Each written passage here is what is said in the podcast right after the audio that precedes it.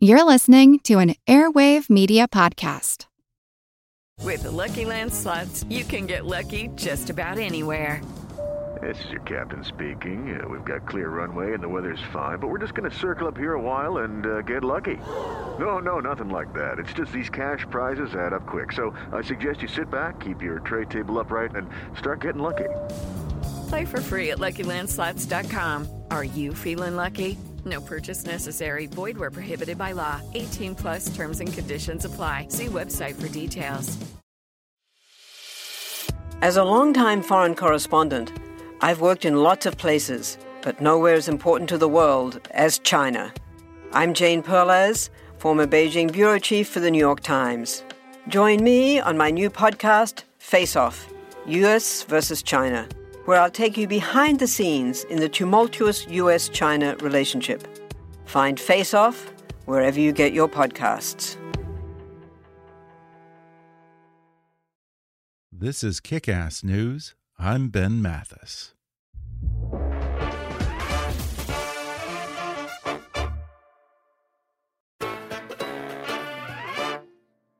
I wish to make a complaint. Oh, sorry, uh, we're closing for lunch. Never mind that, my lad. I wish to complain about this parrot. What I purchased not half an hour ago from this very boutique. Oh, yes, uh, the Norwegian blue. What's wrong with it? I'll tell you what's wrong with it, my lad. It's dead. That's what's wrong with it. No, no, it's, it's resting, look. Look, my lad, I know a dead parrot when I see one, and I'm looking at one right now. No, that's not dead, it's uh, resting. Resting? Yeah, resting. Remarkable bird, the Norwegian blue, isn't it? Beautiful plumage. The plumage don't enter into it. It's stone dead. No, it's resting. All right, then. If it's resting, I'll wake it up. Hello, Polly! I've got a nice fresh cuttlefish for you if you wake up Mr. Polly Parrot. There he moved. No, he didn't. That was you pushing the cage. I didn't. Yes, you did. Hello, Polly! Wakey, wakey! Rise and shine! This is your nine o'clock alarm call!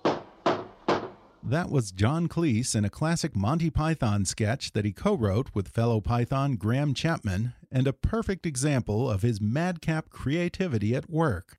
Cleese is well acquainted with the creative process, both as an actor and as the Academy Award nominated writer behind the Python's most famous sketches and movies, as well as the hit British sitcom Fawlty Towers and movies like A Fish Called Wanda and Fierce Creatures. Now he's sharing a few tricks of the trade in his new book, Creativity A Short and Cheerful Guide. And today, I'm thrilled to welcome this comedy legend on the podcast to talk about how he and the Pythons came up with that classic dead parrot sketch, the curmudgeonly hotel manager who inspired his character on Fawlty Towers, and the moment when he first realized he was funny. He opens up about his writing process, why he often finds inspiration in the most unlikely places, and how you can foster creativity in whatever you do.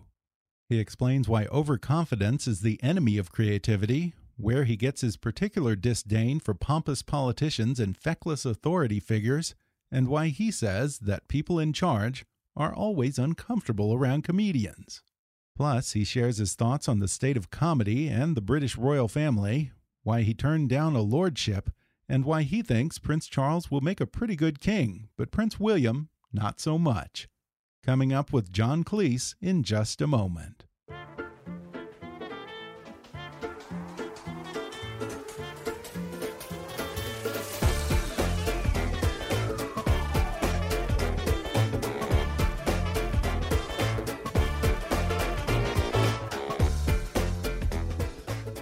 Today, I'm happy to welcome to the podcast a true comedy legend, John Cleese. He co founded Monty Python, writing and performing in the TV series and in the films that include Monty Python and the Holy Grail and Monty Python's Life of Brian. He co wrote and starred in the now classic sitcom Fawlty Towers, and later he wrote and co starred in A Fish Called Wanda and Fierce Creatures. He's appeared in many other films from James Bond to Harry Potter and has guest starred in numerous television shows. He's also the author of So Anyway, a memoir, and now he's followed it up with a fun and informative little tome titled Creativity, a short and cheerful guide. John Cleese, welcome to the show. Well, thank you for asking me on, Ben. Well, I'm delighted to have you on. I, have admired your work, honestly, for decades. I think I first discovered the Monty Python films and sketches when I was in high school. What, what age were you then?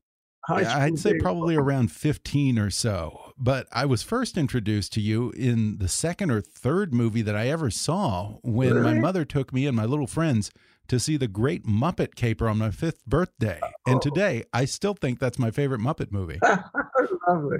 That was a very happy, uh, happy little film. I adored. I knew the Muppet people quite well because they came to London um, a, a, few years before that. Because the uh, a guy called Lew Grade was the only person who'd give them a show at a time when ag- adults could watch it. Everyone in America said it was a kids program, and they got a slot like six o'clock, which meant the people who just got back from work could sit down and watch it. So I got to know Jim and particularly Frank Oz very well lovely bunch of people. That's so interesting. I didn't realize that it was on during prime time in the UK before it was on in prime time in the US. Yeah, that's right. And uh, they, they, they were over in London for some day, uh, some time. And I remember that the most extraordinary thing was that uh, Jim Henson was in a, a, a road in uh, Hampstead that was called Frognal. I'm not kidding. F R O G N A L. I love it. How perfectly fitting. Next thing you'll tell me that he lived in Toad Hall. Right. And I love your scene in The Great Muppet Caper because it's you and your wife having a very civilized dinner in your flat in probably Mayfair or somewhere.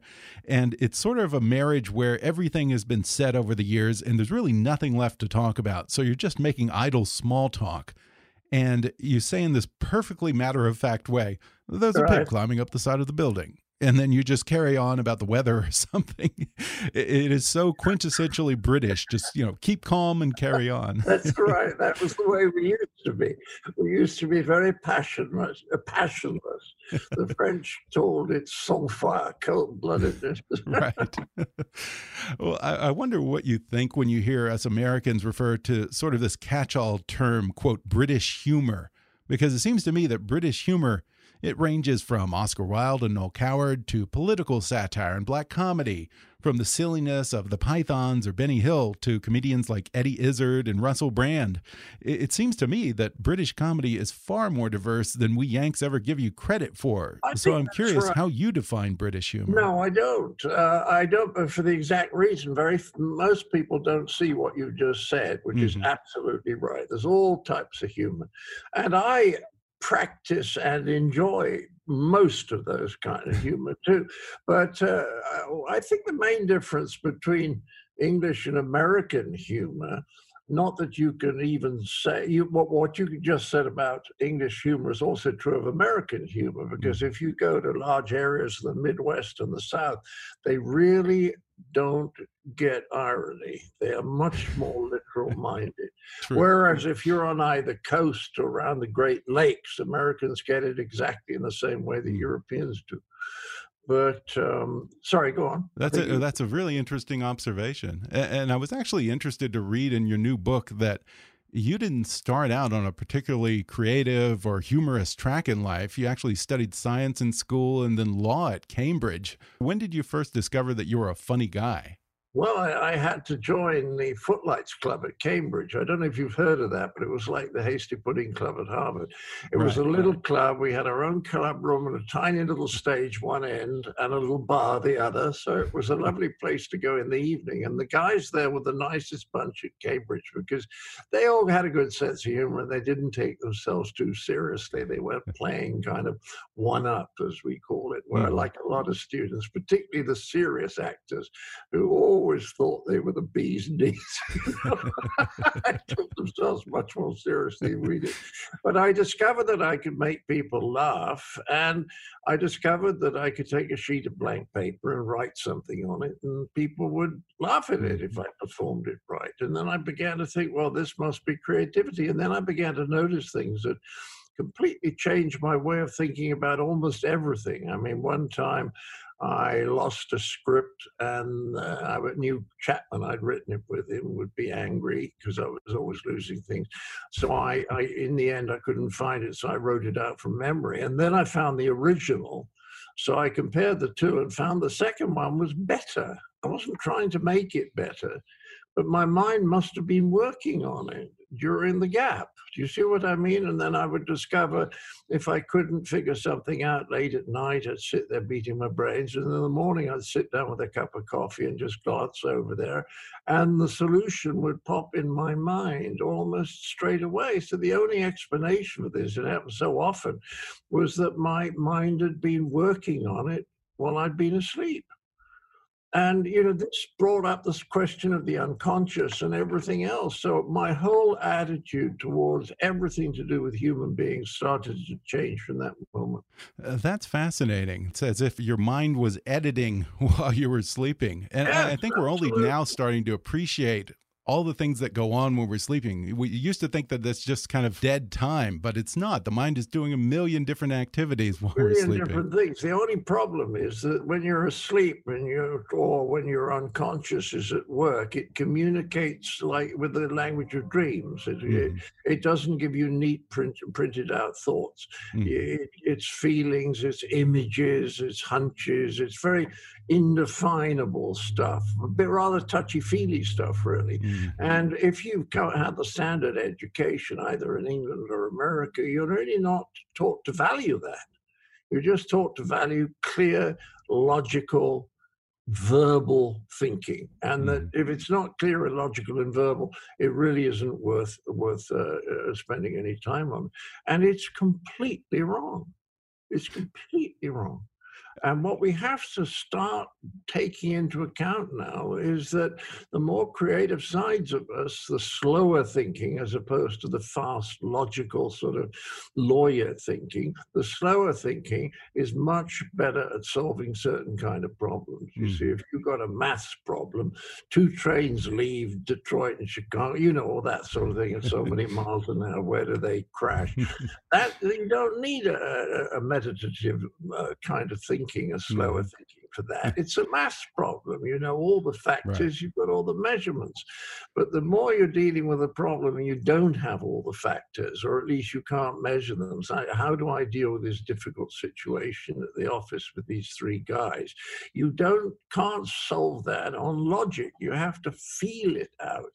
You have to allow your unconscious, which has got phenomenal amount of information, to just nudge you in the right direction, but it won't give you a straight verbal uh, order.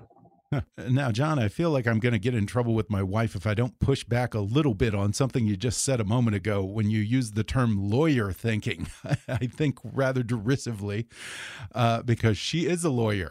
Oh. And I discussed your book with her, and in particular, the part about the harebrained and tortoise mind. And she yeah. says that a lawyer uses both. You need the fast thinking to be able to get into law school and pass the bar. Yes. But then in practice, yeah, right. she does a lot of slow thinking in trying to analyze all the various angles of a case, all the variables, and especially the unknown variables, the subjective aspects of it, and how that might play to a judge yeah. or jury. And then she also says that trial then requires a lot of fast thinking. So she says a lawyer uses both, or at least a good lawyer does. Your wife, you see, is lucky enough to be a woman.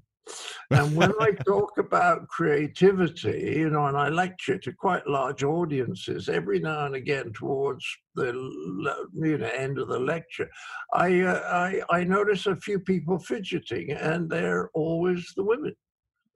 because really? the women use that part of their mind much more much more than men do. You see what I mean? So a lot of what I'm saying is almost obvious to women, whereas the, the engineers, the white middle class engineers, often think that what I'm talking about in creativity is pretty much rubbish because they hate the way of thinking where you don't just use the logical mind.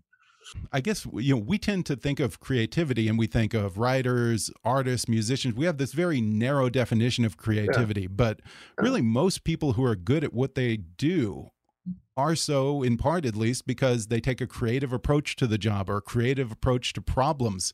It simply means coming up with better ideas. Mm -hmm. And it mm-hmm. doesn't matter whether it's how to design the office or flower arranging or something that's normally regarded as artistic. It just doesn't matter. If you know how to come up with better ways of doing whatever it is that you're interested in doing, that's incredibly valuable. And the astonishing thing, man, the astonishing thing is that we don't get taught this at school. No, see, that's true. True. And when you see, when you're a kid, you play, right? And there was a marvelous guy, I can't remember his name, but he was from Hallmark Cards. And he used to go into schools to talk to classes about creativity. And he said that the six year olds, he said, Who's creative? Everyone's hand would go up.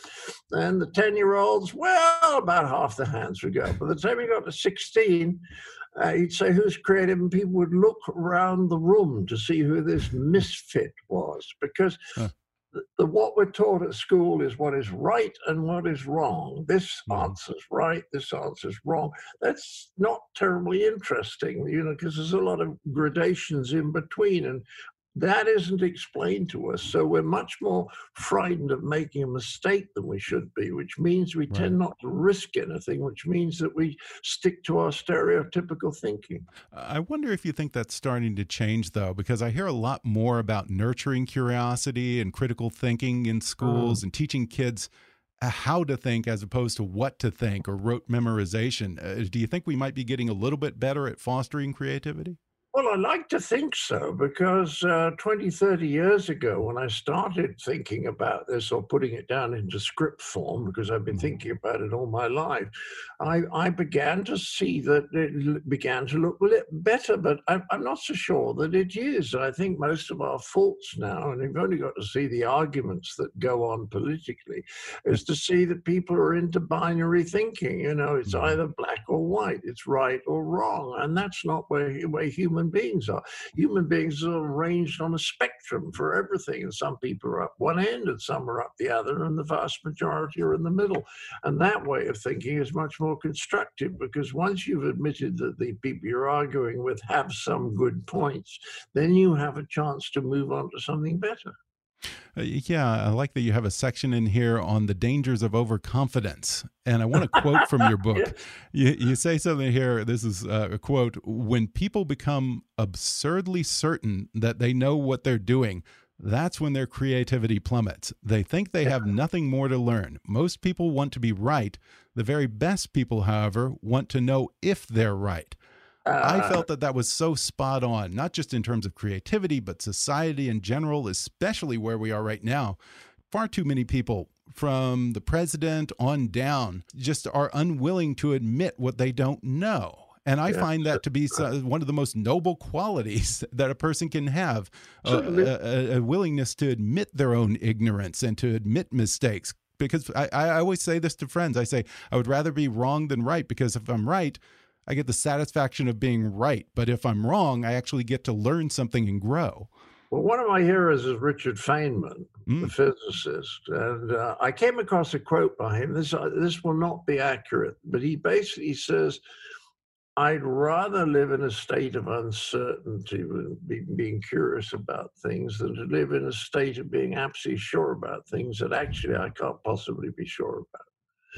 And you know, uh, um, people want to be right. I've actually got a speech called um, "Why There Is No Hope," and I talk right. about uh, stupidity a lot, and I get lots of laughs from the audience talking about ordinary stupidity, mm-hmm. like uh, the woman in in 2016 who was asked about Trump's comments about uh, women expecting celebrities to grab them by the you know what. Yeah. Uh, you know that was what expected from we remember. And the woman said, he would never have said that if he'd known he was being recorded. Now, that is stupidity of a wonderfully high order. You don't get Yeah. any more stupid than that. But then there's a whole other range of stupidity, which is hmm. highly intelligent people who are so sure that they're right that they will not look at evidence that would make them revise their hmm. opinion.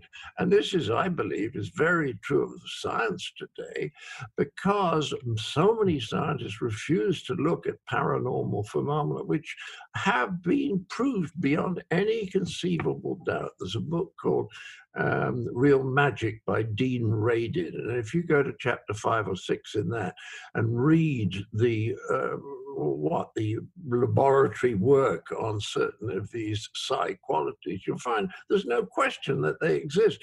But the, the uh, scientists get quite angry and they say, well, if we agree this, we, the our whole of uh, the structure of science would collapse. It's bullshit.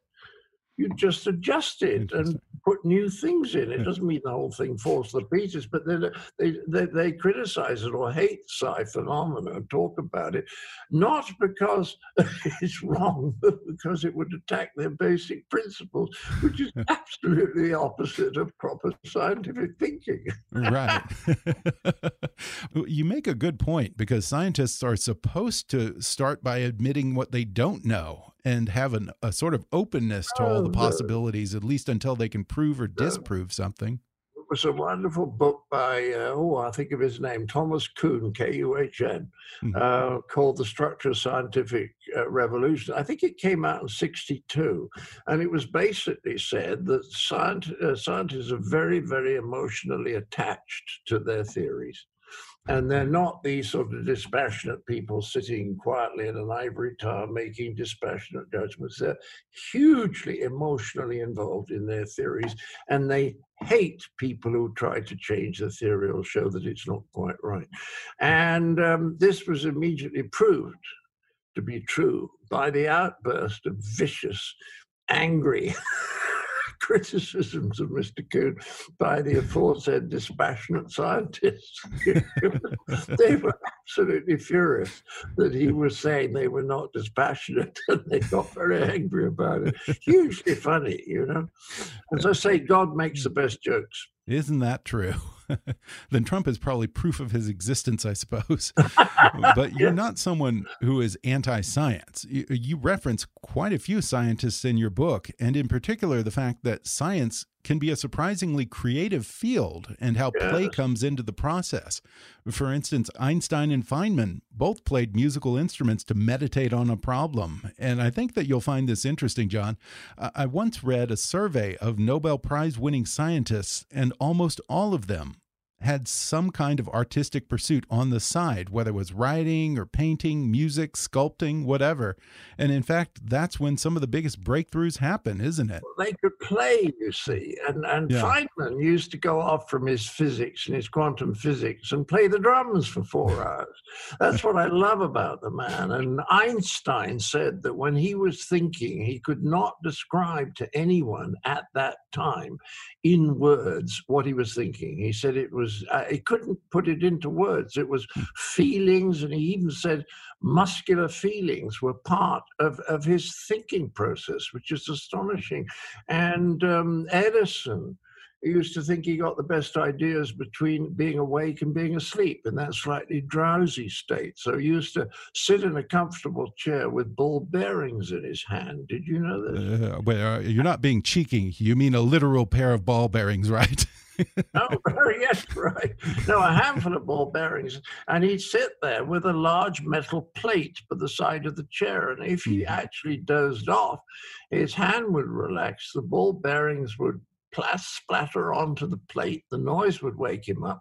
He'd pick up the ball bearings again and go back into this drowsy state. But you notice drowsy because you see there's such an emphasis of clarity that people don't like confusion. But when you go be creative and you're coming up with stuff for the first time, it's going to feel confusing because you've never been there before. You don't recognize something. It's not familiar. Feels a bit scary and and and uh, and confusing and that you have to go through that if you're ever going to be creative because mm-hmm. if you just stick to what you know you'll have clarity but you'll never come up with anything new true It sort of flies against the idea that we have of an artist toiling away at a piece of marble or a writer just chained to his desk, sleepless for nights and days. Yeah. We think of sleep or break or play or writer's block as impediments to work, but you have a more holistic view which is that these things are really integral to the process. Absolutely. You see, I, I, have to say, I've never had writer's block, and it may be because I don't normally write about anything that's very highly personal or that stirs up very deep and perhaps uncomfortable feelings. And if I did, then I might get writer's block. But when I started to work with Graham Chapman, uh, right back in the 60s, uh, he and I would get a bit uh, sort of snarky if we if we didn't come up with anything. And you could sit there for a whole day, and the waste paper basket would be full of crumpled up paper because you didn't like anything you'd come up with. And you, we used to beat ourselves up, not each other, but we used to beat ourselves up and feel inadequate. And, and, and then you'd have a really good day. The next day, suddenly it would all start to flow. And once we realized that we could do 15 to 18 minutes of good sketch material every week, we stopped worrying on the days where it wasn't coming. And then somebody said to me, a psychiatrist said to me, that Gregory Bateson, who was married to Margaret Mead, had once said, You can't have a new idea until you've got rid of an old one. And I hmm. suddenly thought maybe those periods when nothing is coming, you're kind of creating a space slowly in your mind for a new idea to move into it. And then I began to see it was all part of the same process. The good days, the bad days. Didn't matter on the bad days. Don't beat yourself up. Doesn't get you anywhere. Go and play a board game. Just or do a jigsaw. I think if you want to just let your unconscious run, then doing a jigsaw is almost perfect because you can just sit there just doing the pieces and that occupies your conscious mind, you know, looking for shapes and colors. And then you your unconscious mind can roam all over the place. What do you personally do to play to get your mind off of your work and get in that zone? Oh, I think everybody uh, does it without realizing exactly why they're doing it because uh, writers know you never sit down and start writing. You sit down and then you realize your socks have got to be sorted. or you, the books on your bookshelf are not in the right order, or nobody's cleaned the window. So you find lots of things to do. And what you're actually doing is just letting your mind get away from ordinary everyday thinking mm. into a slower, quieter, more sort of how many socks have I got today kind of thinking. so people don't realize it. They think it's because they can't get down to, to, to, to thinking it. It isn't. It's preparing their mind to think in a more creative way. What's the best idea you ever came up with while rearranging your sock drawer? I don't know. I mean, the other day I was uh, I'm sitting here in Mustique in the West Indies, and I swam a few laps, not many, because I'm very very old and very near death.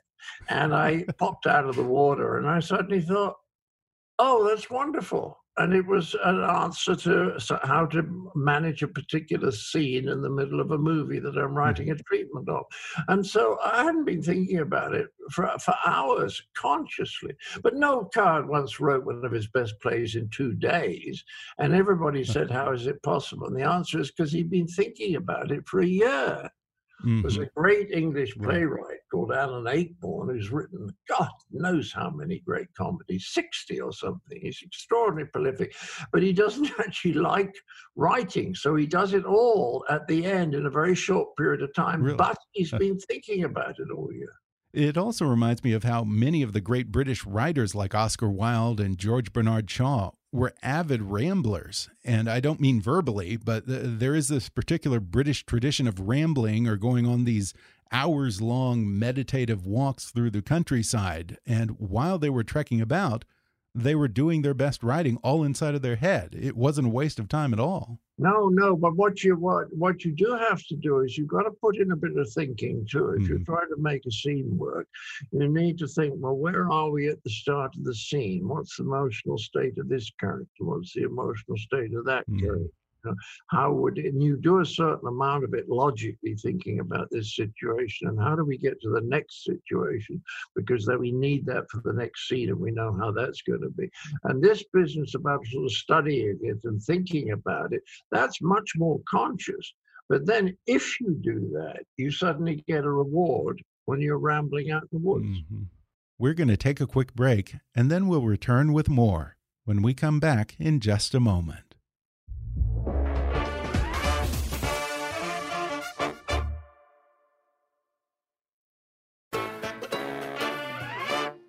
There are so many examples of how inspiration strikes at the most unlikely moments. And I wonder if you feel that you almost have to live it uh, this philosophy of life where you go through every day with a certain openness to inspiration, wherever you might find it, not just when you're at the typewriter. Yeah, I think I think that's right, and I think going back to something you were talking about earlier, I was talking about various forms of stupidity, but the greatest form of stupidity among intelligent people is they're so sure that they're right that they suffer from what psychologists call confirmatory bias. Mm-hmm. That is to say, it's a natural, this is all perfectly natural human behavior because we want to be right. Probably because when we were six, six, six years old, people said to us, no, that's not right. And we thought, oh, you know, I have to be right. What happens is if you have a view and somebody gives you evidence proving that it's right, and somebody else gives you evidence proving that it's wrong, two pieces of evidence, you're more likely to believe the evidence that says that you're right. Mm-hmm. You see, whether you're biased towards right. confirming what you already know, and that's why right-wing people read uh, or watch Fox News, and left-wing people uh, more likely to watch. I don't know, the uh, read the New York Times. You know, right. people like to have their opinions confirmed, and I think the one. The one thing that's quite good about me is I'm interested in anomalies. I'm interested when I suddenly hear that the Republicans in the last few months have been registering a lot of non college educated white males who've never um, and uh, never voted before. Nobody's ever told me about these people who did never voted before. And, you know, the Republicans have been uh, registering them in numbers at least twice what, what the Democrats have been doing. Now, that's interesting. I never knew that. That was about, about it was a sort of an anomaly because it didn't fit into other uh, accounts. And those things immediately interest me. That's why I think that I find things like out of body uh, experience is so interesting because it confirms an idea that the mind doesn't produce consciousness, but hmm. it's like a TV set um, that gives you the program. It doesn't produce the program in the set. The, the, the ideas or the perception or the consciousness might be outside us, and our minds are a way of, of, of letting us register what it's saying. And that's why people can go for uh, can in the middle of operations when they nearly die, if it's a near-death experiment, they seem to be able to go to other places or watch the um, operation from above. Mm-hmm. And actually be able to report afterwards what happened when they couldn't possibly really have guessed what happened. And they're able to report conversations that they couldn't have heard because the, the, the, you know, their ordinary perceptual system had been turned off for safety reasons during the operation. Yeah. So this is fascinating. That's when I say, oh, I, I didn't know that. Uh, uh, most people will say, oh, that couldn't have happened. Well, what do you mean? It could. That could mean we don't have a scientific theory for it yet. You see what I mean? People, people can't can't come up with a theory to explain something. They think it can't happen, and science doesn't work that way. Science works from data to theories, not from mm -hmm. theories to data. Right, and you have this thing called the Dunning Kruger effect, yeah. where the more wrong you are, the more you cling to your assumptions. Whereas the most intelligent people tend to be those who are most open to ideas that challenge their beliefs. But if I were to guess, I suppose that there's a good deal more laziness to it than most people are willing to admit, because it requires little to no effort to cling to your current beliefs, but it's a lot more work to take new evidence into account and be willing to reevaluate your assumptions and see if they still hold up under scrutiny, isn't it? Much more effort, and it, it means you've got to admit you don't know. And people love to pretend that they know things. If you ask them, you know, well, they don't really right. know about it. No, but they kind of think that their opinion is is is right because, mm. uh, well, well, why? Because it because it's their opinion. True. I, I wonder. Many of your characters are send offs of kind of pompous British aristocracy, bureaucrats, these authority figures whose intelligence is not commensurate with their station in life. Uh, where does that rebelliousness against authority and the upper crust come from in you? Well, it comes from observing the world, mm -hmm. realizing, first of all, that yeah. most of the people in charge have no real idea what they're doing. And that started for me as a professional realization that so few of the film and television executives actually knew what they were doing. But the alarming thing was they had no idea that they had no idea what they were hmm. doing. And because they had no idea that they didn't know what they were doing, they were filled with a kind of false confidence. You see, whereas if you love more like me, if we get together, if I was working with a group of actors, I wouldn't say I know how this scene uh, needs to be played, I'd say let's let's rehearse it a bit and see what we come up with and what we like. And one actor might come up with something I say, but that's the opposite of what I was thinking, and it's better. I remember the read through of, uh, of, of, of uh, Wanda uh, there was uh, several people at the read-through other than the actors, including a first assistant director called Jonathan Benson. And after we got to about page 40, Jonathan suddenly said, wouldn't it be funnier if he said that? And I said, oh yeah, that's much funnier. And I just crossed out the line in the script and wrote it down. I looked at Jamie, who was looking at me kind of slack jawed. And I said, What? And she said, That is so great. That would never have happened in America because no first assistant would ever have had the courage to make a suggestion. And if you do that, then everybody gets involved creatively. And that's a huge mm-hmm. motivational force. I agree. But Jamie's right. In the typical writer's room in Hollywood on a TV show here, there's always some writer who clings like grim death to his original idea and gets his nose all bent out of a shape whenever someone comes up with a better joke. And in the book, you also talk about these collaborations and the importance of bringing in different viewpoints and skill sets to a project. Diversity, sorry, this is why diversity diversity is so important. Mm -hmm. Because if you Certainly. get a room, uh, say 20 years ago, full of white uh, middle-aged men, they will report afterwards, you know, what a nice experience it's been. They very much enjoyed it and they mm. want to do it again. And they would come up with fuck all because they all agreed with each other. you see, what you want is lots of different ideas. Mm-hmm. The only problem with diversity is if you have diversity of culture, then you can get a bit of culture friction, which doesn't help. So you've got to have someone in charge for particular who will shut up the people who talk too much, will encourage the shy ones yeah. to say more. You know, Michael Palin, who was one of the finest writers of comic characters I've ever come across, went off and did those boring travel programs. Terry Gilliam became of a major, spectacular film director. Terry Jones wrote children's stories and directed and wrote books about Chaucer. Eric Idle uh, had huge um, musical talents mm-hmm. and a wonderful ability to write lyrics and and uh, Chapman was just wonderful at coming up with off the wall ideas, but very very lazy. So what you want in a good really? team is people with different different mm-hmm. abilities and qualities, not with the same ones. And I'll tell you, every time I watch a Python sketch, I inevitably wonder where does someone come up with something like that? Uh, for example, the dead parrot sketch. Uh, uh, could you walk us through the evolution of that one? How did you guys come up with that? Well, the dead parrot sketch we, was based on a sketch about a secondhand car. Okay. Does that surprise you? It does. Uh, Michael Palin had, had bought a car. Uh, he told us about this, and the guy who, who owned the garage uh, was a particular type. And when Michael would go in and say, I'm having trouble with the gearbox, he would always say things like, Well, you know, good quality car like this, or the gearbox will always be a bit sticky for the first. You know, he says, "You have any trouble with it? Bring it in." And Michael said, "Well, I am having trouble with it. And I have brought it in." And he would say, "Yeah, well, you have any trouble? Bring it in." And you couldn't get anywhere with the man. And so we wrote the sketch, and he was just slippery. And then Graham and I looked at it, and we said, "I said a second-hand car sale is so." Cliched. I said, can we do it about anything else? And then Chapman said, what about a pet shop? I said, what do you mean? He said, well, somebody's bought a pet and they brought it back because it's not working properly. And I said, well, you mean it's dead? And he says, yeah, that's funny. It's dead. And we said, well, what is it? And, well, it can't be a cat because people love them too much. Same with dogs.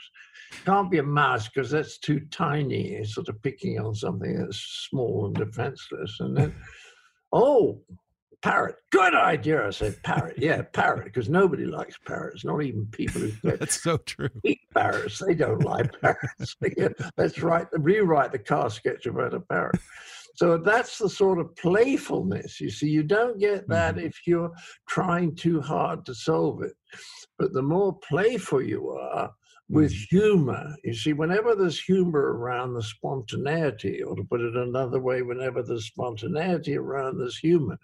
And that, that kind of atmosphere is more likely to come up with something than people beating their brains and mm. furrowing their brows. I'm not saying it's impossible, but I Yeah. think better when people play. And I think the great scientists, the great mathematicians play. And and you know, so mathematicians will, for example, they prefer one particular proof to another because it's beautiful. Now that's not a logical judgment. That's You know true. what I mean? Yeah, Yeah. yeah. They say we I that we like this idea because it's beautiful. He said it's, and Mhm. it pleases them aesthetically, not logically. Mm. They know it's also logically true, but they Yeah. prefer it to the other logical truth. I've heard that the idea for Fawlty Towers was also one of those things that came to you from a random life experience where you, you weren't necessarily looking for the next idea for a hit TV series. You just kind of stumbled onto a situation or a person that inspired that, and your mind was open to the inspiration, huh?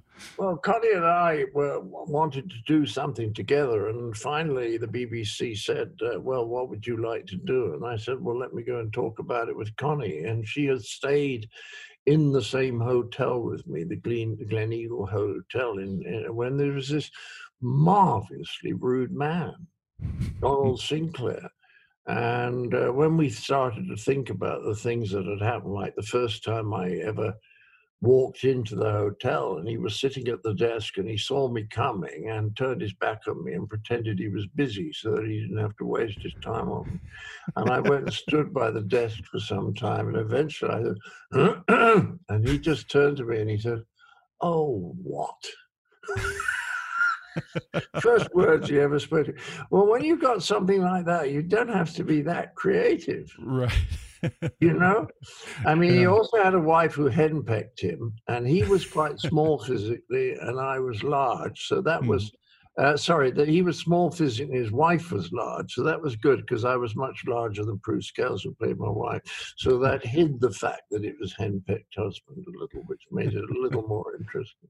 And then we would just work out what could happen and that was not not like python that was quite logical. I mean Mhm. um, I said to a very good friend of mine who trained at the Savoy Hotel, I said, "What was the main problem you had with when you when they were working at the hotel? What was the worst problem?" And he said, uh, "Getting rid of the stiffs." I said, "What do you Literal stiffs or, or real figures? Yeah, people who would die in their sleep. Yeah. Sometimes I'm sad to say they were little old upper class ladies with lots of Mhm. money who had outlived all their friends. And they check into the Savoy with a little bottle of pills and, and they would wake up dead. And Oh, the wow. Savoy would have to get the bodies out without any of the guests. well, once he told us that, it didn't require, require Connie and me to be terribly creative to write the dead body episode. you know. We still Right. had Oh, that's where that comes from. Yeah, that's where that came Yeah. from, and that didn't happen with Python. We didn't uh, we didn't Yeah. ever go into a shop and ask for a mattress and find that the shop assistant had put a brown paper bag over his head and we had to sing Jerusalem until he took it off. Different type of creativity. well, I want to ask you, what do you think of the state of comedy today? Is there very much out there that you find personally funny? I'm afraid I don't watch much television and I don't go to movies much. This is it's just true of most of my older friends, and I don't know why it is. I think it's partly because in the area of comedy, um, I've seen so much comedy over the years. The the moment that I used to have in my twenties when I would discover Buster Keaton, uh, you know, it was almost like a, a, a, an intellectual orgasm. You suddenly watch this extraordinarily funny man and a a brilliant man and, and watch his stuff. And that doesn't happen so much. Though. I think the last uh, the last time I was I had that feeling was I saw um, a Texan, and I've gone blank. His name last name was Hicks. You know this guy? Uh, Absolutely. Bill Hicks? Is it? Yes, Bill Hicks. Bill Hicks. Yes. And I thought he was everything that um, that. Uh, oh, I've, uh, I've I've all- forgotten another name. He says, "What happens?" There was a, a very famous Jewish satirical comedian. I'm not talking about Mort Sahl, Lenny Bruce.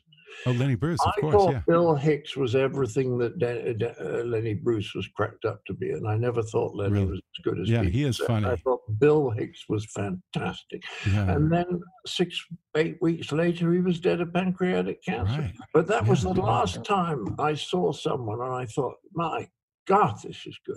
Mm. Uh, and it's because you've watched so much comedy and seen so many great practitioners. The chances that anyone's really going to come up with anything quite new is very, very small.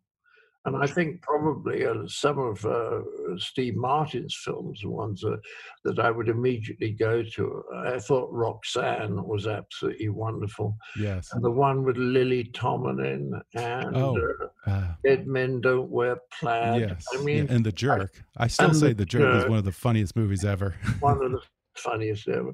Um, I, I thought he was terrific, but he's writing very good novellas now and, and, and play the Yeah. banjo. He's so multi-talented. But uh, I, no, I think that what happened, there used to be an awful lot of very good writers about who would uh, serve a long apprenticeship and would take Mhm. their writing career very seriously and read about it and study it and they understood construction. Now I think there are very few people who really construct comedies Mhm. well. I mean, I had a play uh, going into the West End. And in March, uh, February, closed down while it was still touring prior to the West End, and it was my adaptation of a play, of a, a play, a, a comedy, a farce, a French farce, written in 1895 and it was much better structured than almost any other comedy I've ever seen. Mhm. And that sort of brings up one thing that I found interesting in your book. Uh, it's something that I, I often hear. You say that uh, writers should write what they know, but I've always felt that there should be a corollary to that, which is if you don't know anything, don't write. Somewhere along the way, everyone, every, everyone who's a writer in LA got told, write what you know. And so I've read so many scripts about being a writer in LA. I, I feel like there should be a minimum amount of life experience to be a writer, Yeah, don't that's you? what just finish up, right? I just um, started reading Philip Roth or Something Stain, um, and, and that's about a writer, about writing. I think the trouble is, if you're a writer, you spend so long, uh, so much time alone writing that you don't have the experience that you had when you started to write. And I think that's why so many people write a really great first novel, and it, then the the novels still are good, but they don't have that extraordinary freshness of the first Yeah. one. There's a, a very British question that I, I feel like maybe you would be the right person to ask. What is the deal with the Queen's wardrobe? Why does she always dress like someone out of a Dr. Seuss book with these matching hats and outfits and lime greens, canary yellows, colors that only exist in a comic book? Do you know what that is? I think that the great success of the royal family, which has been rather less in, in recent mm. years with the uh, various uh, escapades of the younger members, but I think the great success of the British football, uh, royal family was that they were fundamentally very boring mm. and uh, not very controversial. I mean, the only thing that right. gets the Queen really excited is horse racing, but she also loves dogs. Now, anybody who loves horses and dogs rather more than ideas is going to be well liked in Britain. Do you see what I mean? Because they don't look as though they're trying to show off how smart they are. So it was their very dullness, I think, uh, that that uh, meant that they lasted longer than a lot of kings and queens did. But uh, okay. Uh, I agree with you. I mean, I have uh, no idea. Uh, why people are so interested in the royal family mm-hmm. and why the uh, newspapers and magazines are so full of their doing is because I think they're very nice people, um, yeah. but not very interesting. I mean, there are so many more interesting people. So, so you think that she gets a wears these outlandish get-ups to, because that's her way of trying to make herself interesting to people?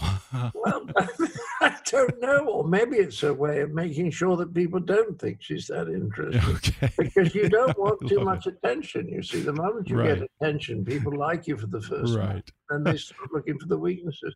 Uh, but she's done a splendid job as a queen, even if she mm-hmm. hasn't done quite such a good job as a mother. How do you feel about Charles taking over? Or is that something to look forward to, or would you rather see yes, it skip over no, to William? I think he's. I've met him a few times. I've oh, had really? dinner with him and sat with him, and I once even did a couple of scenes in a movie with him about um, well, the environment. And uh, he seems to me to be interesting and a very nice chap, much mm. more interesting than most of the royals. I mean, I think, I think uh, Andrew is interesting for all the wrong reasons. right. the other one, who's the who's the one who's uh, going to be king after Charles? What's his name? Uh, William. Back to the Middleton go. Yeah, William. William. I'm, I would pay money not to have to have dinner with him. He's so dull and ineffectual. He looks like a creature called the Duke of Kent, who we always used to laugh at. he always looked sort of strangely uncomfortable, whatever he was doing. By the way, you I heard that you turned down a CBE, Commander of the British Empire. Oh, Whoa, I turned what? down a peerage.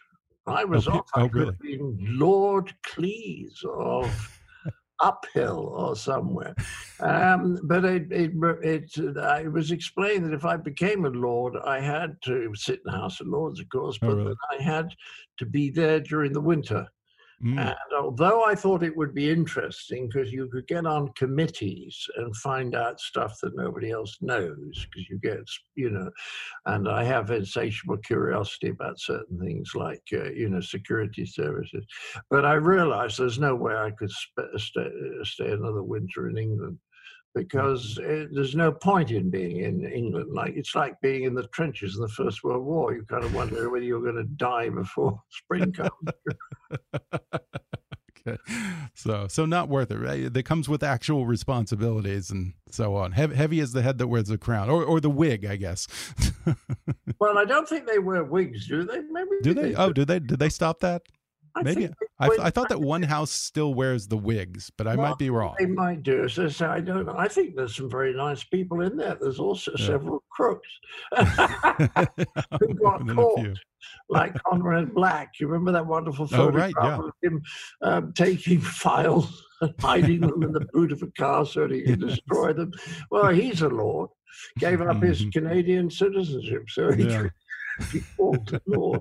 I mean, what, well, you know, uh, as as um, uh, that poem, the ode, ode in the Britain in a country churchyard, uh, says, uh, "The paths of glory lead but to the grave." Mm-hmm. You know, and I I uh, kind of processed that a lot when I was about eighteen, and I've never. Mm-hmm.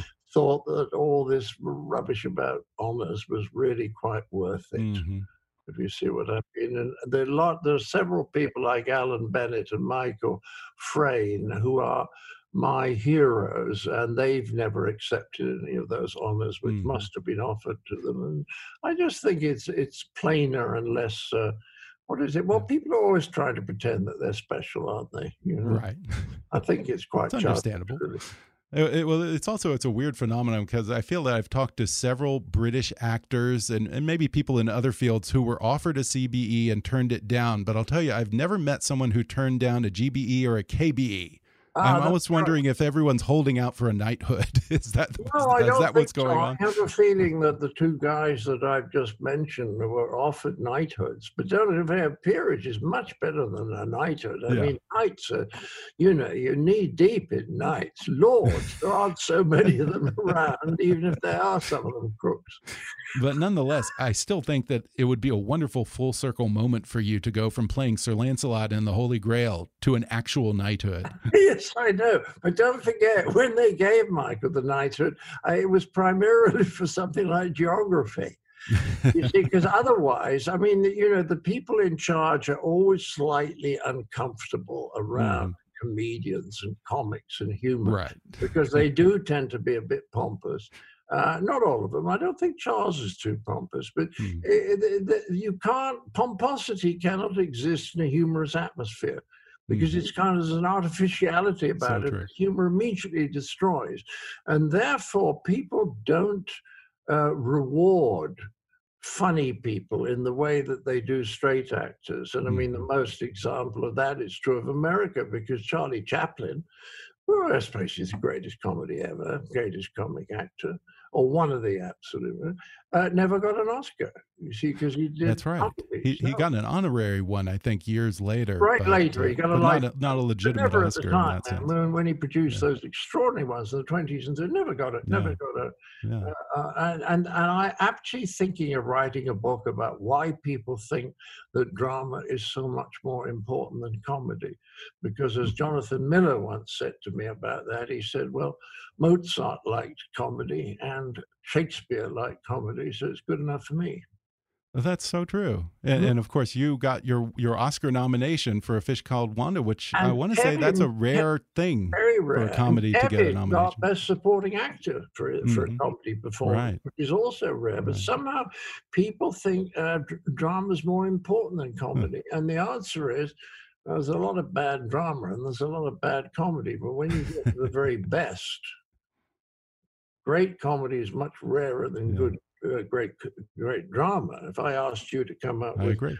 20 great dramatic movies, it would take you 15 minutes. If I said 20 great comedies, I bet you'd be running short after about number seven or eight. I've always felt it's much easier to pull on those handful of strings to make someone cry than it is to make someone laugh. Yeah, that's that takes a whole right. other set of skills. Exactly right. Well, this has been such a delight, and I appreciate your being so generous with your time. Uh, again, I want to remind folks of your new book. It's called Creativity, a short and cheerful guide. I point out that uh, how long Yeah. did it take you to read the book? Uh, you know, I would say probably about an hour, maybe Yes, just over exactly. about an hour. And I'm a very slow reader. I'm a notoriously slow reader because I I, always have to go back and process everything. Can I add this? You know that somebody once, I, I think it was Mark Twain, said, I'm sorry this is such a long letter. I didn't have time to write a shorter one. I had time to write a shorter book, and I didn't put anything into the book that wasn't essential. I could have written Mhm. 300 pages, but I wanted to make sure people could read it in an hour and get maybe five ideas from it Mhm. that could enable them to become more creative. And it seems Right. to work. And, and I like that because it keeps it broad. You Yeah. don't get too much into the weeds with specialties like being a writer or an artist. So if someone comes in as an architect or a lawyer or a scientist or whatever, there are applications that they can use in whatever they're doing, really. But you got to tell your wife one thing from me that I was in a therapy group for three and a half years. It was a couples group, and a very large percentage of them were lawyers.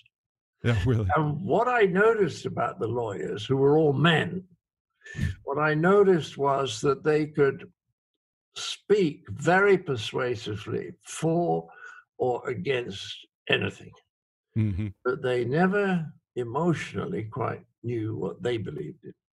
Okay, I'll have to tell her.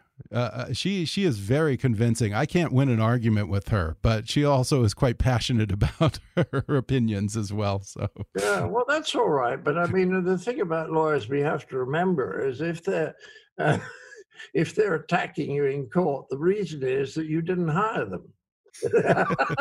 well, maybe you should hire her to to put your point of view. That would be uh, a very difficult situation. Wonderful. I hire her to advocate for me against her. That's against her. that would be a wonderful Python sketch, I think. So. It would be, wouldn't it? Yeah. well, this has been so much fun. Uh, once again, I'm going to give that title to the folks. It's Creativity: A Short and Cheerful Guide. John Cleese, thank you so much. This has been a Great blast. Pleasure. Great pleasure.